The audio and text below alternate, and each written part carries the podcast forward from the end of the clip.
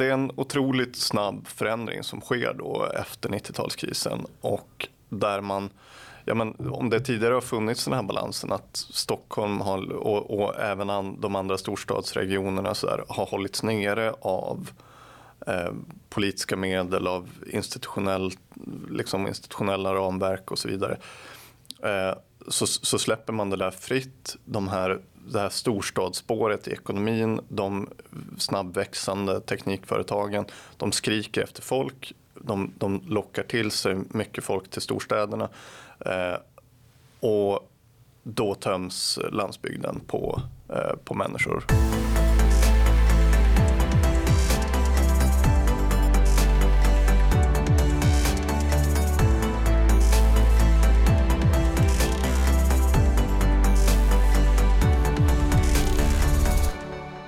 Veckans uppskattat gästas vi av Joakim Broman, bördig från Ramsele och idag redaktör på Timbros nätmagasin Smedjan.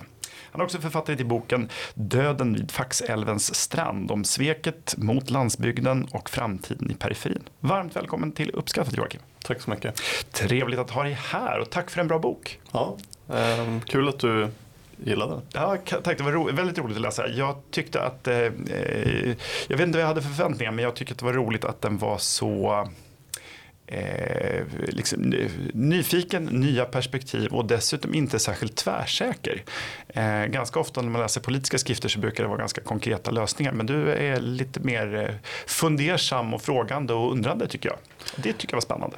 Ja, nej men jag, jag kände väl själv, jag, jag tror jag sa det när vi lanserade boken ehm, för andra gången på Timbro. Vi har varit uppe i Sollefteå och lanserat den en gång och sen har vi haft en, en lansering här i Stockholm också. Men jag tror jag sa då på den andra lanseringen att Eh, Eh, från början så kanske jag hade lite ambitioner att ta ett ännu större grepp än vad jag gjorde och liksom verkligen nästan skriva Norrlands moderna ekonomiska historia och kanske inte bara ekonomiska utan ja.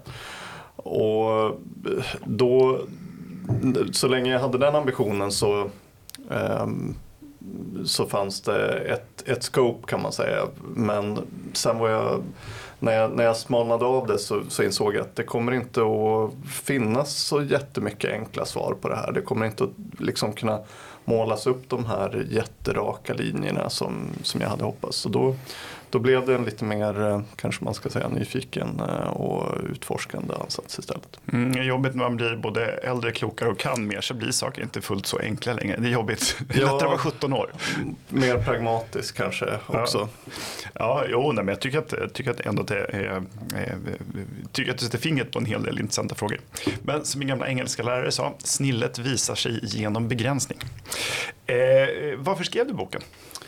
Ja, men från början så var det lite sådär att jag satt som ledarskribent på Liberala nyhetsbyrån eh, och skrev om en massa olika ämnen för, för ledarsidorna och kände lite grann att allting handlar om min hembygd på något vis. Eh, det är ju liksom då en by i västra Ångermanland eh, avfolkningsbygd. Eh, liksom, landsbygdsfrågorna dyker upp i politiken allt mer, blir allt starkare, alla vill åt landsbygdsväljarna eh, dieselpriserna, så, sjukvårdsfrågorna, eh, energipolitiken både i form av vattenkraften, miljöprövning men också kanske framförallt i form av vindkraftsutbyggnaden då som är väldigt aktuell där i mina gamla hemtrakter.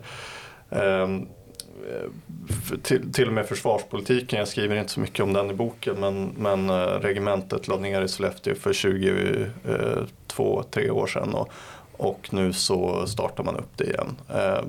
Så, så jag kände liksom att det är så, så mycket i politiken i den svenska politiken, i den nationella politiken som koncentreras, kondenseras i liksom det som Ramsele är och har, och har varit kanske man kan säga. Så det var lite grann utgångspunkten att jag kände att det finns så otroligt mycket tematik att, att eh, utgå från här. Sen så när jag väl satte igång med det på, lite mer på allvar så, så dök det upp också eh, upp en del andra saker och, och eh, ja, en, en historieskrivning som jag, som jag kände att jag ville dyka ner i. Jag, jag har ett kapitel om Socialdemokraterna som, som liksom jag kände att här finns det mycket intressant som verkligen utgår från, från den här bygden. Så, ja.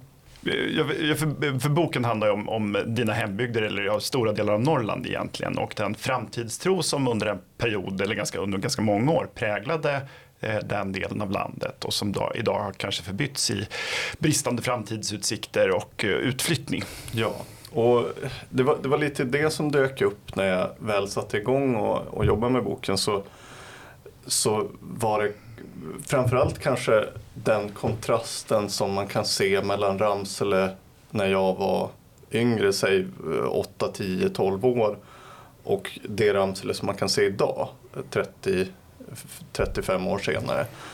Så, så är det liksom en sån enorm skillnad. Ehm, och då började jag fråga mig lite grann varför, vad har hänt? Eh, varför har det gått så snabbt? Eh, jag, jag upplevde att liksom, Ramsele och många andra liknande orter var i, i Norrlands inland var mer välmående landsbygd för 30 år sedan.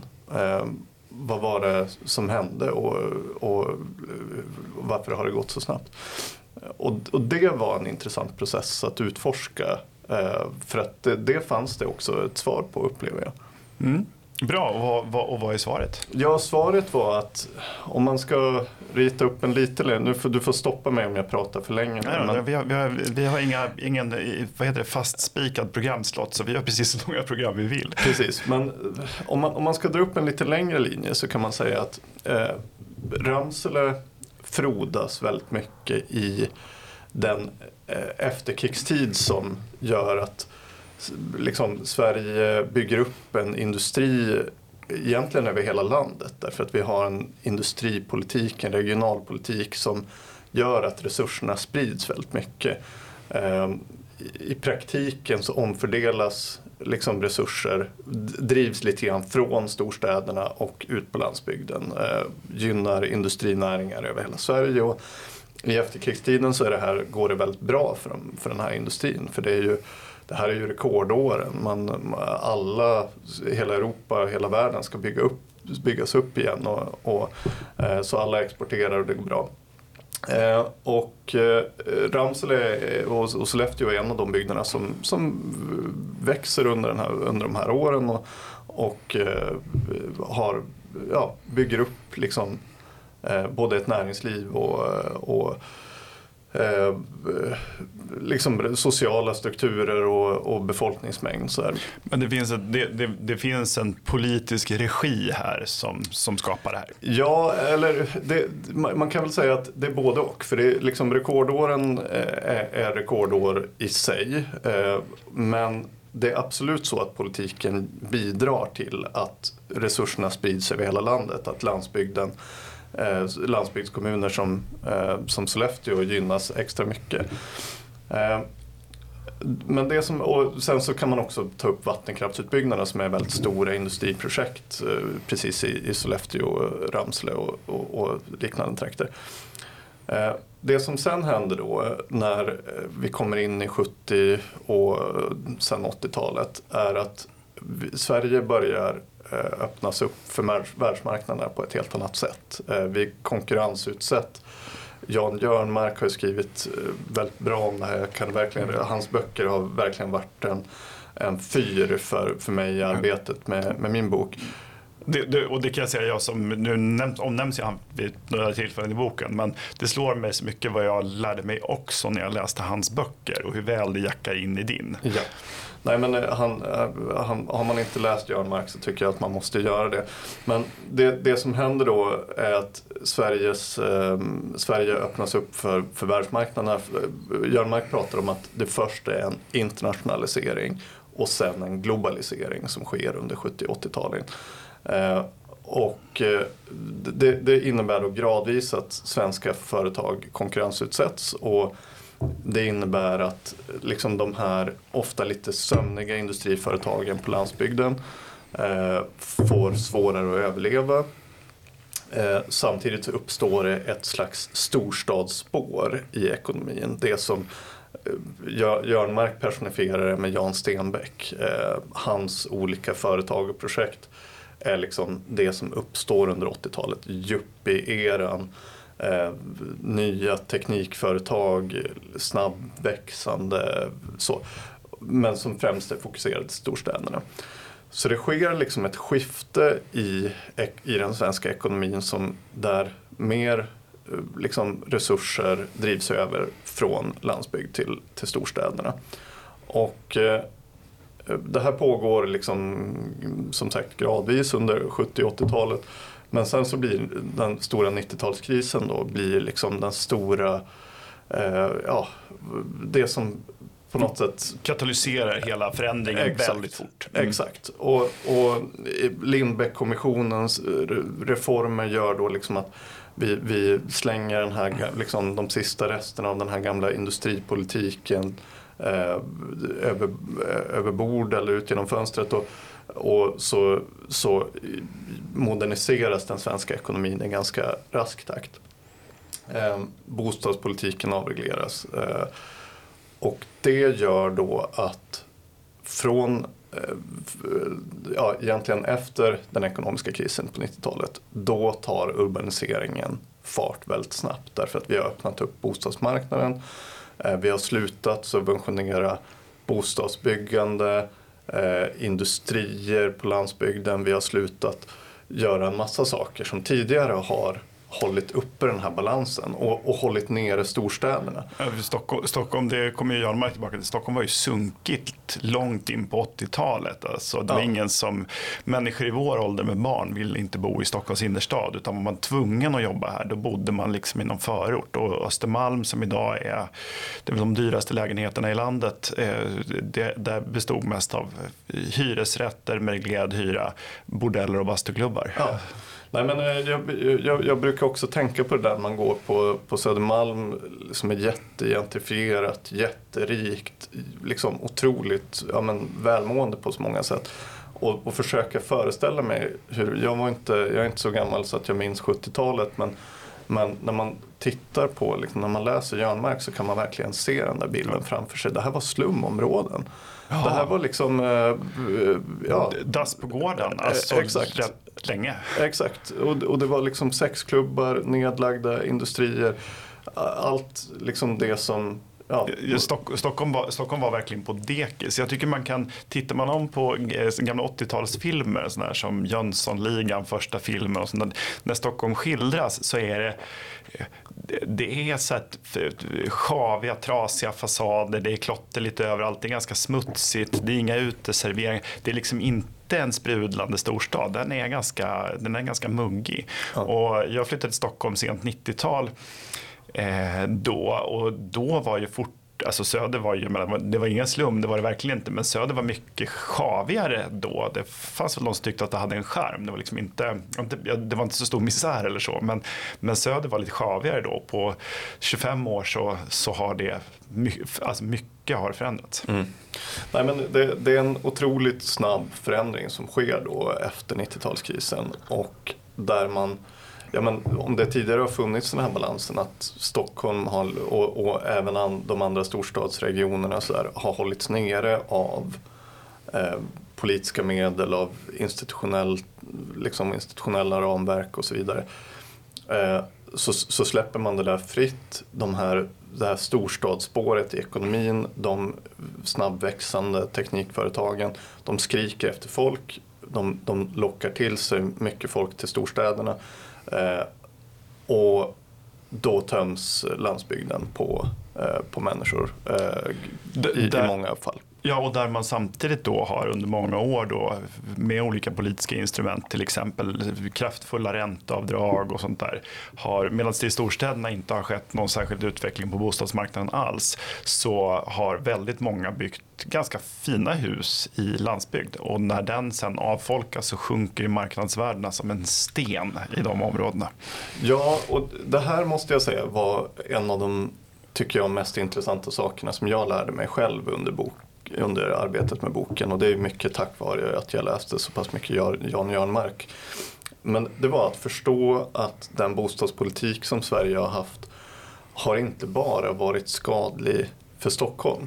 Eh, för, för så har jag lite grann tänkt på det tidigare tror jag. Att, det, det har den också varit. Det har den, det har den verkligen varit. Men det har bara varit, det är det enda som varit i fokus. Exakt, och det har varit i fokus. Och, och då ska man säga också att liksom en parentes i det där är ju att jag har ett, ett kapitel i boken som handlar om klassresor mm. och att liksom en sån som jag ska kunna ta mig från, från arbetarklass i Ångermanlands inland och slå mig in i Stockholm. Eh, det blir svårare och svårare med den bostadspolitik som vi, som vi har och, och driver. Och det är en aspekt som jag liksom tycker ibland glöms bort lite grann. Men, men att inse att den, hur skadlig den här bostadspolitiken har varit också för landsbygden, också för mina gamla hemtrakter. Det var lite grann en, en uppenbarelse för mig, en, liksom en väldigt intressant insikt. Därför att det, det är ju precis som du säger, under decennier så subventionerar vi bostadsbyggande i, i de här eh, i de, i, ja, egentligen överallt utom i Stockholm. Eh, vi, och, och sen så när, när kreditmarknaderna avregleras då 1985 då får fastighetsbolagen liksom en väldig skjuts, de kan låna väldigt mycket pengar. Samtidigt så finns det då liksom byggsubventioner och ränteavdrag och en massa andra mekanismer som, som gynnar byggande. Vad, vad, vad kan gå fel? Ja, vad kan gå fel? Eh, naturligtvis så, så, uppstår det då en fastighetsbubbla och det byggs enormt mycket bostäder. Eh, men inte där de är efterfrågade. Faktiskt tvärtom.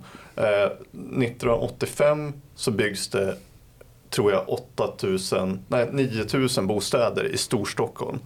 Eh, 1991 så byggs det eh, 8800. Så byggandet minskar från det att kreditmarknaderna avregleras så minskar byggandet i Stockholm. Och samtidigt då så bygger vi hundratusentals lägenheter i Sveriges mindre städer. Det är 125 000 lägenheter som byggs i städer med 30 000 invånare eller färre. I kommuner som Sollefteå, eh, i liksom, inlandskommuner i Norrland, ut på den småländska landsbygden. Eh, och vad händer då när urbaniseringen tar fart efter 90-talskrisen? När den här bubblan spricker och vi liksom plockar bort dem där. Jag brukar säga att när vi, när vi subventionerar företag på, på 70-talet, när vi skickar en massa skattepengar in i varvsindustrin, så var det skadligt för att du upprätthöll ett företag, du höll ett företag under armarna som inte skulle ha överlevt egentligen. Ehm, men det som är åtminstone... Det tar, det tar slut när det företaget till slut ändå går i putten. Exakt. Vilket de ju gjorde. Exakt, så när, när till slut så slutar du stödja varvsindustrin och då är du i alla fall färdig med det kapitlet.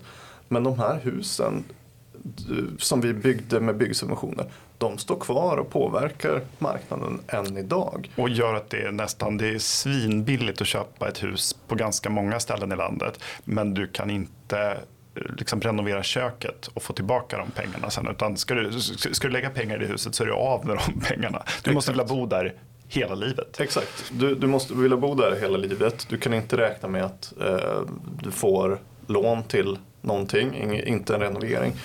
Eh, och det här påverkar också småföretagandet. Mm. Därför att många småföretag börjar som en liten experimentverksamhet. Kan jag, kan jag leva på det här? Kan jag göra det här? Och då använder man bostad, bostaden som säkerhet. Eh, Bostad, bostadsbyggandet och bostäder generellt är också liksom ofta den, det största kapitalflödet in i en bygd.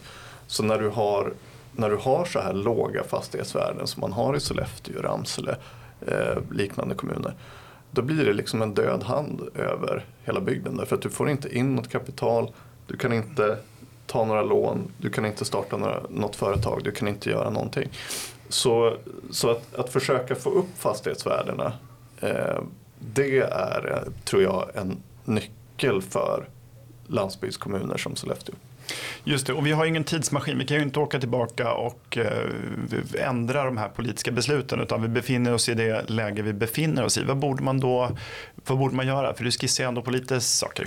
Hur, hur ska man få upp fastighetsvärdena till exempel? Ja, men, vi måste våga riva mer bostäder. Ehm, man tittar på, på stadskärnor. Nu använder jag Sollefteå som ett exempel hela tiden. Det finns ju många andra liknande kommuner. Det finns många andra mm, men Jag har ofta referenser till Flen som jag kommer ifrån. Ja. det är inte konstigt. Och, och jag, jag använder lite Sollefteå som, som sinnebilden för det här. Men det, det finns en massa bostäder, massa av de här miljonprogramsbostäderna som, eh, som, som står där som påverkar marknaden. Det finns en massa ödehus också eh, och, och en del av dem är inte så attraktiva. De kanske inte påverkar marknaden riktigt lika mycket som, som eh, liksom otaliga lägenheter.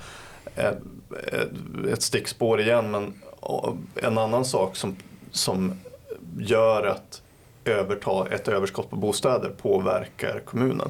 Det är ju att det är det kommunala bostadsbolaget som äger, äger de här bostäderna och måste få tillskott från skattebetalarkollektivet hela tiden. Eh, för att de går med underskott. De, de har lägenheter att underhålla som de inte kan hyra ut. Och, eh, det, det, gör också liksom att du får ett eh, ytterligare liksom en pålaga från eh, strukturen. Just det, och, och som tillfälligt då, inte minst under flyktingkrisen och, och de följande åren där användes så, så var ju många kommuner själaglada för nu kunde de plötsligt fylla de här lägenheterna med, med människor som de dessutom fick eh, betalt för under två år av, av staten. Eh, så det var ju en eh, supervinstaffär, men bara i två år. För sen, sen var det många av de, de som kom som inte kunde komma i arbete fort och rätt många flyttade ju sen därifrån så att lägenheten blev tomma ändå. Ja. Och, och, sen så börjar man istället varna för social dumpning. Mm. Därför att eh, kommuner som men, säg Nacka, eh, som liksom, ska de ta emot eh, flyktingar så måste de börja köpa villor för 8 miljoner. Det fanns något sånt exempel under flyktingkrisen. Eh, och istället så lockar man och pockar man och, och lurar folk ibland att så här, du i Sollefteå finns det ju en lägen, ledig lägenhet. Men eh, å andra sidan ingen arbetsmarknad för en nyanländ. Eh, nej men så, så att, att, våga riva bostäder, eh, en, en nyckel. Eh, att rusta upp stadskärnorna. Eh, de, de är förfall. Många av de här gamla Domus stadskärnorna ser bedrövliga ut. Jan Jörnmark har ett pekar på, på Tyskland som, ett, som en förebild när det kommer till ett liksom sammansatt helhetsprogram för Eh, för eh, bostadsbyggande, stads, ja men, stadsutveckling, stadsutveckling med, med Östtyskland som, som exempel. Eh, strandskyddsreglerna tror jag är en nyckel. Liksom, eh, Sollefteå har ju några miljöer som jag skulle säga, de är inte bara attraktiva sett till, till Sverige utan de är, de är internationellt eh, på, liksom, du kan bygga ett hus på en, på en klippa och ha utsikt i 30 mil, en, en skarp sluttning ner mot älven. Det, det är sådana miljöer som folk skulle kunna betala 50 miljoner för att få bygga ett hus på. Men vi, vi har inga strukturer för att möjliggöra den typen av så. Um, så, men, men, till, och med, till och med Stockholms skärgård är ju rätt liksom, obefolkad. Och, och där kan man, väl, man kan väl förstå att i mycket attraktiva områden så så, vill man ha, så, så vore det synd om allting blev bebyggt. Man kan ju tycka att reglerna är för hårda ändå. Men när vi pratar om avfolkningsbygd, det finns ju, liksom, det finns ju så mycket sjöar i Sverige så att ja. Ja. Jag menar, Finland kallas de tusen sjöarnas land, men hur många insjöar har vi i Sverige? Liksom? Ja, vi, har något, vi har nog tusen sjöar i västra Ångermanland. Ja, det, Man kan få en egen nästan. Ja, men eh, så är det. Jag brukar använda Arjeplog som exempel, tror jag, där det finns 6000 sjöar. Liksom. Eh, jag, jag, någon gång så räknade jag ut att alltså varje kommuninvånare har egentligen tillgång till flera kilometer strand. Mm. Eh, om, så. så det är, jag, jag, jag säger inte liksom att vi inte ska ha några regler för sjönära byggande men det måste kunna finnas olika regler för Stockholms skärgård och Sollefteå. Eh, eller Arjeplog för den mm. delen. Det, det, är helt orimligt att vi har ett och samma system för det här. Och försöken att reformera strandskyddet tidigare har inte fungerat alls. Så, så här skulle jag verkligen vilja se ett omtag. Och det tror jag också skulle kunna göra skillnad för en, för en kommun som Sollefteå. Mm. Du är också ganska kritisk mot eh, vattenkraftsutbyggnaden. Ja. Som ju är en så här nationalklenod, alla är jättestolta och alla, ja, men oavsett, ja. Eh, även om det finns ju ett krig nu mellan kärnkraft och vindkraft på många sätt, men vattenkraften är ju nästan ingen som är emot, utom, jag höll på att säga utom sportfiskarna, det kanske var lite nedlåtande, men, men du, du drar ändå en lans emot. Ja, Nej, men jag, jag, jag ska säga så här, jag gör mig inga illusioner om att vi kommer att avveckla vattenkraften. Ehm, jag jag, jag, förstår att den, den, står där den står och det, det vore ekonomiskt vansinne att börja riva dammar och sådär. Eh, men det som slog mig var lite grann att alltså, när jag växte upp så, så var det någonting som bara fanns där. Och jag, jag, upplever nästan att det har varit lite samma sak i svensk energipolitik. Att vattenkraften den, den står där och den är liksom vår pålitliga bra reglerkraft. Och det är aldrig några problem med den. Och, och, och så liksom är det alla andra energislag som man debatterar på olika sätt. Och sen när jag började intressera mig för miljöpolitik för en, för en del år sedan, började skriva mer om det och så började jag liksom dyka ner lite grann i vattenkraftens, eh, liksom, ja, men de ekologiska och även sociala aspekterna av det här. Jag började lära mig mer om vattenkraftsutbyggnaden. Så först då så började jag inse vilka enorma ingrepp det här är i landskapet. Man, man började hitta bilder på hur forsarna såg ut innan vi, vi dämde upp. Eh, eh och, och eh, det otroliga miljöer som vi har förstört. Eh, inte bara ekologiskt, ekologiskt är liksom viktiga aspekter av det för att vi det, det, det går in, liksom på de här bottnarna som vi i praktiken torrlägger delar av året. Så, så det, det, är ingenting som kan leva där. Liksom. Det, det är otroliga ekologiska förluster i de här miljöerna. Men även eh, hur vi liksom hur vi har påverkat landskapet i övrigt. Eh, och, och Eh, i, på, vid Kilforsen här liksom, mellan Sollefteå och Ramsele kan man säga, Näsåkerstrakten, där man har lett om älven liksom rakt genom berget, byggt två kilometer tunnel eller liksom bara så här, eh, ja, förstört en enormt vacker och, och eh, eh häftig fors. Så när, när, när jag började inse det då, så att då, då, då gör jag, i boken så gör jag det här tankeexperimentet. Att säga så här, okej, okay, det svenska elsystemet bygger liksom på en väldigt en genial konstruktion egentligen. Att vi, vi hade dämt upp eh, vattenkraften i, i norr, vi hade 13 gigawatt eh, vattenkraft där. Eh, mycket av industrin fanns i, i söder, mycket av befolkningen fanns i söder. Eh, så skulle vi lyckas föra över det här så behövde vi ha kraft i, i södra Sverige. Som, det går inte att överföra stora mängder kraft utan att det finns någon som Mot, upprätthåller motkraft, på andra exakt, sidan. motkraft, spänning, upprätthållande kraftproduktion. Mm. Så då, då kommer kärnkraftprogrammet. Eh, liksom man, eh, man bygger, det blev inte 13 reaktorer för Torbjörn Fälldin satte stopp för den 13 men eh, det blev 12 reaktorer på strategiska platser på västkusten, östkusten Eh, Eh, i, i Mälardalsregionen i form av Forsmark och i, eh, på, eh, i Skåne och Barsebäck. Och det här systemet och så har man perfekta, liksom jätteväl utbyggda stamnät som går emellan de här. Det är en otrolig balans i det här energisystemet. Eh, och eh, då, då gör jag tankeexperimentet, tänk om vi aldrig hade byggt vattenkraften utan vi kom direkt till det här valet Eh, nu ska vi bygga hela det här energisystemet på en gång. Och så hade vi istället för 13 reaktorer i, i söder eller 12 byggt 26 reaktorer över hela Sverige. Eh, vad hade vi haft då? Eh, hur, hade, hur hade Sverige sett ut eh, om vi inte hade dämt upp älvarna? Som sagt, jag, jag gör mig inga illusioner om att vi ska riva vattenkraften men jag tycker att det är värt att verkligen diskutera eh, att, att inte glömma bort för, för kärnkraften eh, ja, finns det jättemånga motståndare på miljösidan mot. Fastän det egentligen är det energislag som har lägst avtryck. Eh, ekologiskt, klimatmässigt. eh, även socialt, yt, markanvändningsmässigt så är det det som gör alla, har alla lägst avtryck. Eh, och vattenkraften diskuterar vi inte alls. Även säkerhetsaspekterna av, av vattenkraften diskuterar vi aldrig. Trots att det egentligen är historiskt så är ju vattenkraften mycket farligare än, än kärnkraften. Ja, många, många, många fler som har, som har dött där. Eh, du skriver också om nedläggningen av BB i glesbygd till exempel. Det har, det har ju varit en ganska stor nationell debatt om det också. Att eh, sjukhus lägger ner och man har inte råd att bygga och sådär.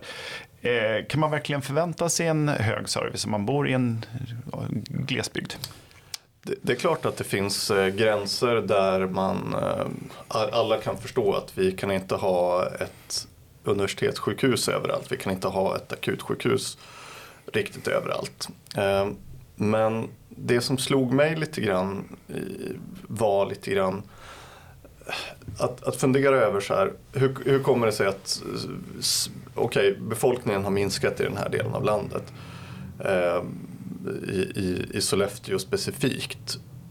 Men samtidigt har ju Sverige blivit eh, kanske dubbelt så rikt på de här 30 åren som, som har gått sedan sen jag var eh, barn.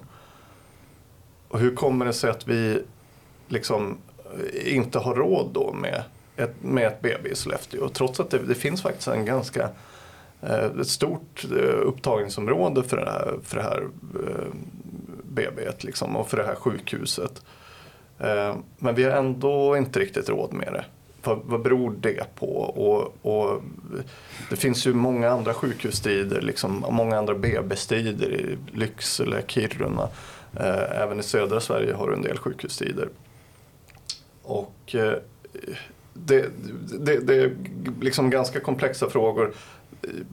Mer, mer där kanske än i andra kapitel har jag, har jag liksom verkligen svårt att, att sätta fingret på, ja, det är exakt det här som är problemet.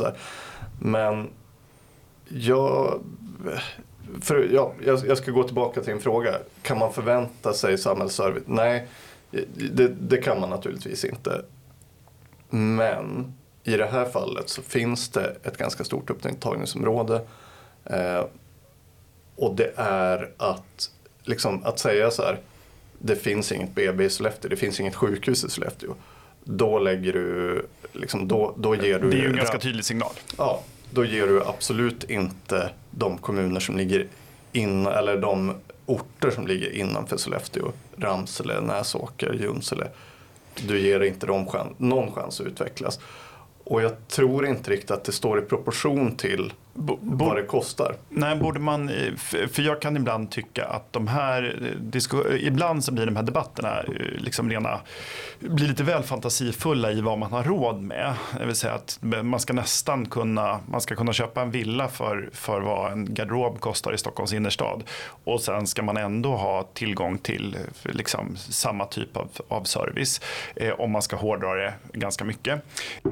Skulle man kunna tänka sig ett större, större kommunal och regional frihet där man tillåts ta ut till exempel då eh, högre skatter eller lägre skatter. Eller alltså att, att man, man, reglerar, man har mindre eh, vad heter det, slappare tömmar från statsmakternas sida och så får man prioritera lite mer själv. Alltså, vi, vi prioriterar här ett BB och så skär vi ner på kollektivtrafik eller på kulturbudgeten eller vi tar ut högre skatter och tror att det kommer att locka fler människor. Alltså, så vi skulle få en större institutionell konkurrens. Ja, jag, eh, en sak som, en sån sak som jag skriver om i boken är ju det som brukar kallas för asymmetrisk ansvarsfördelning. Att kommuner ska kunna frånsäga sig visst ansvar. Eh, vi har en massa lagkrav på kommuner idag. Du måste, är du en kommun så måste du erbjuda de här tjänsterna, de, den här servicen. Eh, och att kommuner i, i, större utsträckning skulle få säga att vi, vi klarar inte av den här uppgiften, vi, vi lägger det på någon annan eh, vi kanske samarbetar med någon annan. Eh, vi skickar, om invånare som behöver den här tjänsten, de, de skickar vi till grannkommunen eller sådär och så tar vi å andra sidan emot det. Den typen av lösningar tror jag, tror jag blir nödvändig. Sen så kommer vi tillbaka till det här med det som är sjukhusstriderna, sjukhusfrågorna.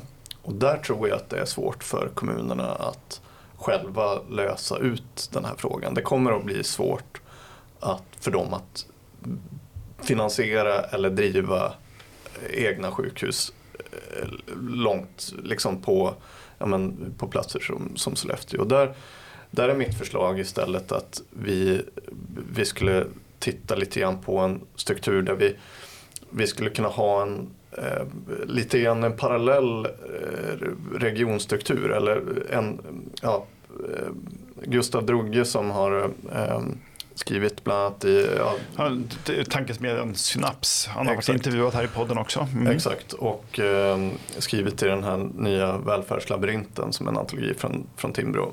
Eh, pratade lite med honom så här, kan vi få, få till en opt-out-region eh, där, som, som är statligt finansierad som kan täcka upp de här lite grann mellanlägena som, som Sollefteå är och, och även andra ta ansvar för att finansiera, kanske upphandla driften av ett sjukhus eh, där man ser att här behövs det verkligen ett sjukhus. Vi kan inte bara lämna hela den här delen av landet eh, men vi kan inte heller överlåta det till skattebetalarna i Västernorrland att, att finansiera det.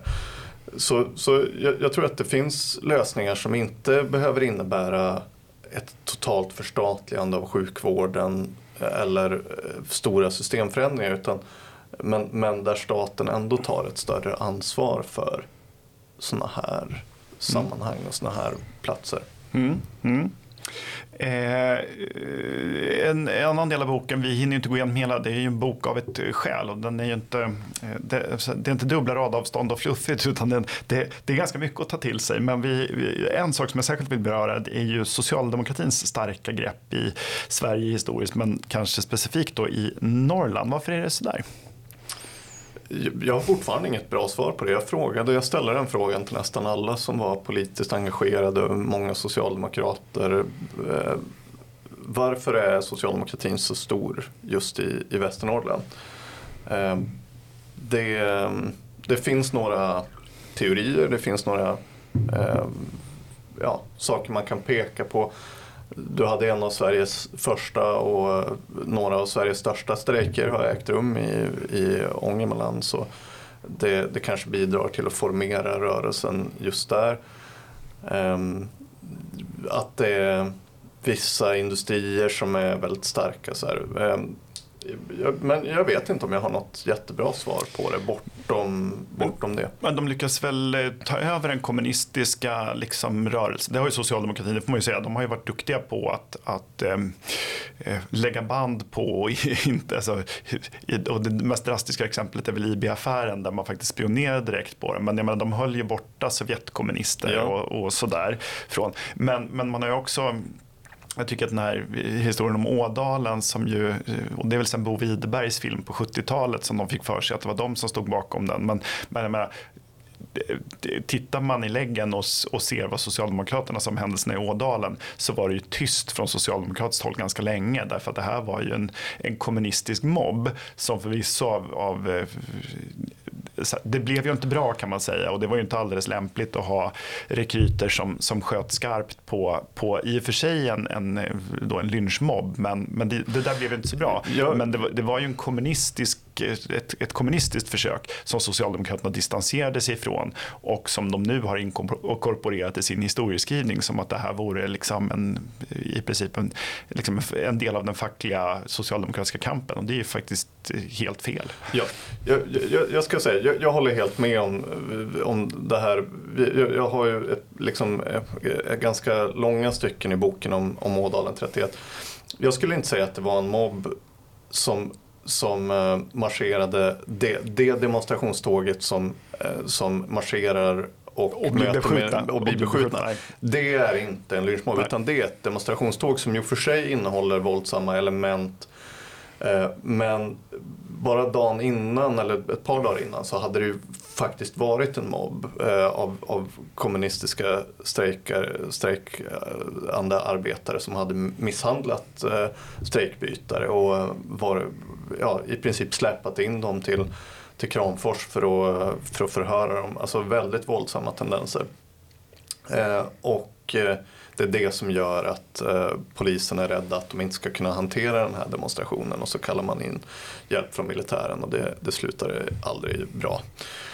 Eh, men om man går tillbaka till liksom det som jag tror var din grundfråga. Eh, det är att socialdemokratin är i den här tiden så förstår de vikten av att vinna kampen mot kommunisterna. Att vara arbetarklassens huvudsakliga eh, representanter. Att det är socialdemokraterna, reformisterna som ska bli det och inte de, inte de revolutionära. revolutionära. Eh, och liksom när man tittar på statistiken, jag, jag, läste den här kommunismen i Sverige, eh, Sven Rydenfelt, mm. heter han så? Mm. Mm. Eh, som eh, ka, har kartlagt då liksom hur, hur såg eh, eh, hur såg valen ut? Liksom hur, ja, hur, såg, hur var utbredningen av kommunister? Så under 20-talet så står verkligen det här och väger. Det är absolut inte givet att socialdemokratin ska bli det som eh, ja, de som blir arbetarnas intresserepresentanter. Eh, Utan i, i de här trakterna, i Långsele tror jag, så, så har jag ett exempel i boken, så är liksom kommunisterna vinner 70 eh, liksom, procent har jag för mig i något distrikt. Så att de är otroligt starka där i, i, i vissa, vissa sammanhang. Och är, skulle jag säga i början av 20-talet, till och med starkare än Socialdemokraterna. Mm. Och det här är då Moskva-kommunister? Liksom. Absolut. Och eh, det finns en, en reell rädsla för att Sverige ska kunna gå in i, gå, eh, det ska kunna uppstå en, revolution, en väpnad revolution här. Och sen så kommer det här kosackvalet då som det kallas 1928 som gör att eh, där, där Socialdemokraterna har en, en valteknisk samverkan med, med kommunisterna och det här eh, svarar väljarna väldigt skeptiskt på. Eh, högern varnar då väldigt mycket för Moskvas inflytande i det här valet och det, ja, man, man, eh, det leder då till att eh, Socialdemokraterna går väldigt dåligt i det valet. Och sen så kommer Ådalen 31 med liksom den, eh, där, där kommunisterna driver fram då en eh, den här, det här eh, först mobben och sen eh, det här demonstrationståget som blir beskjutet och Socialdemokraterna, precis som du säger, håller en väldig distans till det här. Därför att de vet att det finns liksom i det här demonstrationståget så finns det den här eh, underförstådda hotet om, om revolution. Mm. Och det är därför som militären är där. Så, så social, social, socialdemokratin håller distans till Ådalen 31. Man, man vill absolut inte det.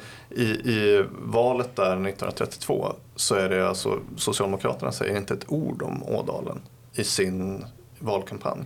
Kommunisterna däremot, de går ut med budskapen. Minns Ådalen, mm. rösta med kommunisterna. Det är de som äger det. Det var de som blev skjutna i, i deras ögon. Eh, Socialdemokraterna det är liksom valet 1932 som blir deras stora genombrott kan man säga. Det är då som de verkligen tar Definieras, kontrollen. Ja. Det är då som de vinner kampen mot kommunisterna. Eh, per Albin har liksom visat väljarna att jag kan hålla rent till höger eller till vänster.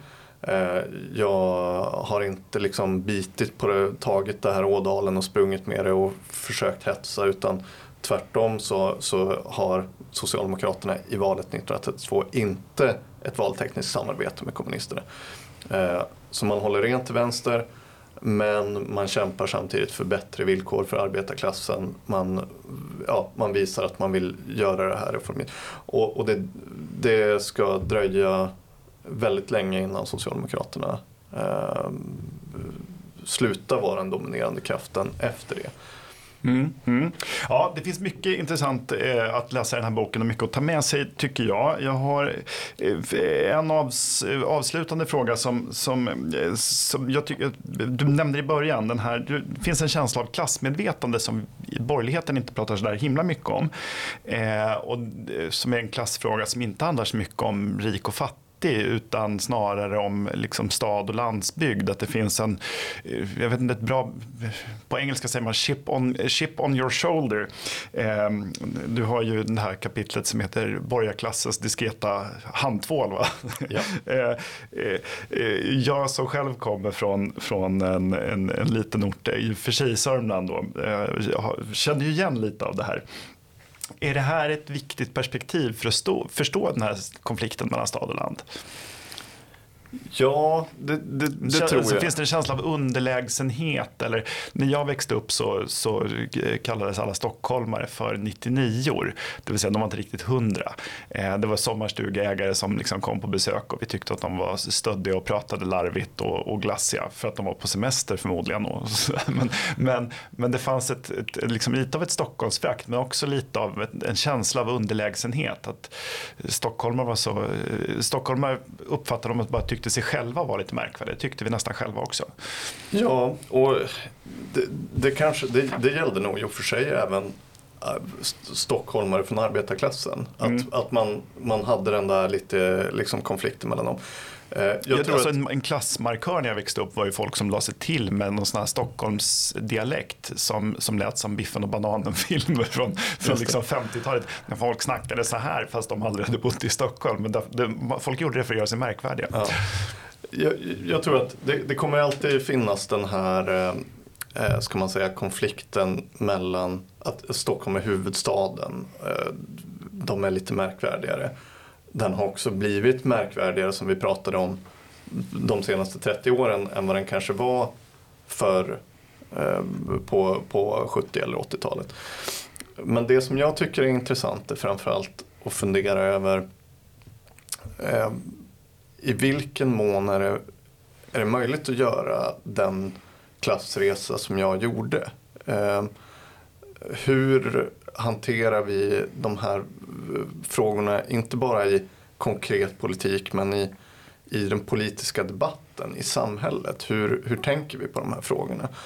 Ehm, jag, vi pratar om bostadspolitiken så skulle jag säga att idag så är det praktiskt taget omöjligt för en resurslös eh, person från eh, Ångermanlands inland eller för den delen från Rinkeby att ta sig in på bostadsmarknaden i Stockholm. Jag är väldigt glad att jag hit för 26 år sedan. Idag hade, jag inte, hade jag varit 26 år yngre hade jag inte haft en chans idag. Exakt, att, att komma ut även om du har en bra utbildning, även om du har eh, en hyfsat hög lön som, som nyexad student.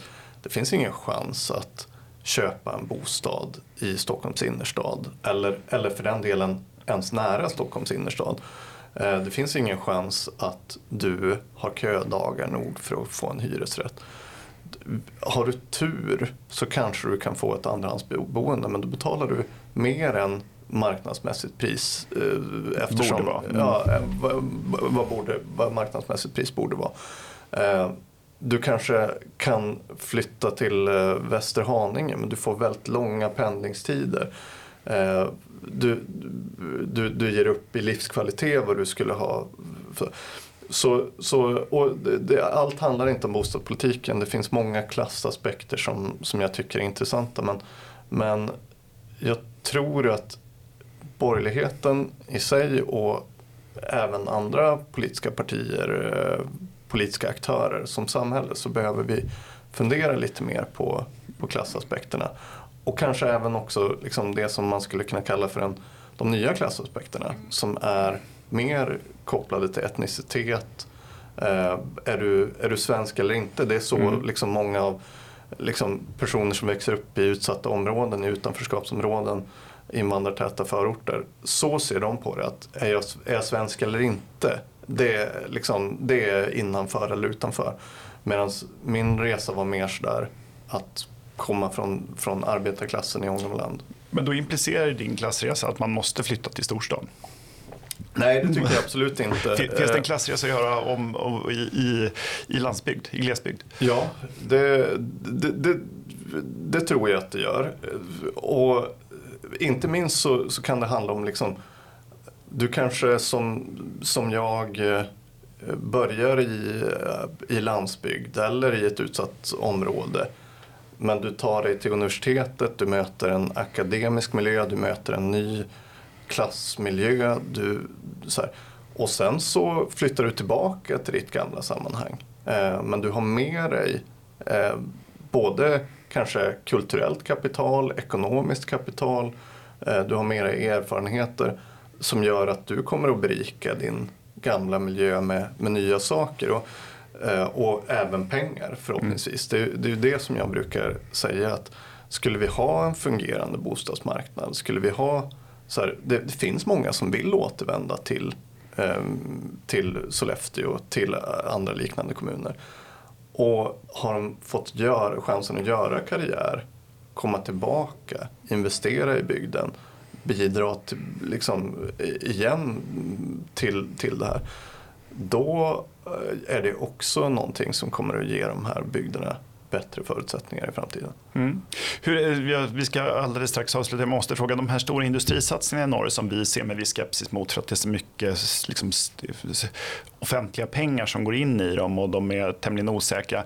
Eh, det pratas mycket om återindustrialiseringen av Norrland. Eh, tror du att det här kommer att vara positivt på sikt eller riskerar det att bli en baksmälla? Ja, jag är väl hoppfull, försiktigt hoppfull, lite jätteskeptisk. Eh, därför att jag, jag höjer också ett varningens finger kring att vi slänger så mycket offentliga medel på de här företagen. Och inte bara att vi gör det, i vissa fall så, så är det verkligen så här att ett företag startar och genast så är staten där och säger vill du ha lite mm. pengar. I andra fall så, jag tycker att vi ser nu för första gången eh, både när det gäller Northvolt och när det gäller H2 Green Steel företag som åtminstone första gången sedan typ 70-talet så har vi svenska storföretag som säger vi Ge oss pengar tack, ge oss skattepengar tack. Därför att annars så flyttar vi. Affärsmodellen är, alltså en, en bärande del i affärsmodellen är offentliga pengar. Ja, åtminstone så använder man sin position för att utpressa mm. staten. Att man, liksom den typen av här, skamlöst bara säga så här, ni, ni får ge oss subventioner annars så drar vi. Det har vi inte sett på väldigt länge och, och det är lite oroande för min del. Sen kan det ju vara så här, vi, det är en, en, stor klimatomställning som vi ska göra. Det kommer att kräva en massa av de här nya produkterna, nya industrierna. Eh, det finns jättebra förutsättningar. Det, det, finns ju en logik i att de har hamnat i eh, eh, Skellefteå, i Långsele där Juniper bygger upp en elektrobränsleanläggning. Eh, det finns en massa el där som, som vi inte liksom, och, och det, det, är möjligt att ta ut direkt och det, det, finns väldigt goda förutsättningar för den här typen av industrier.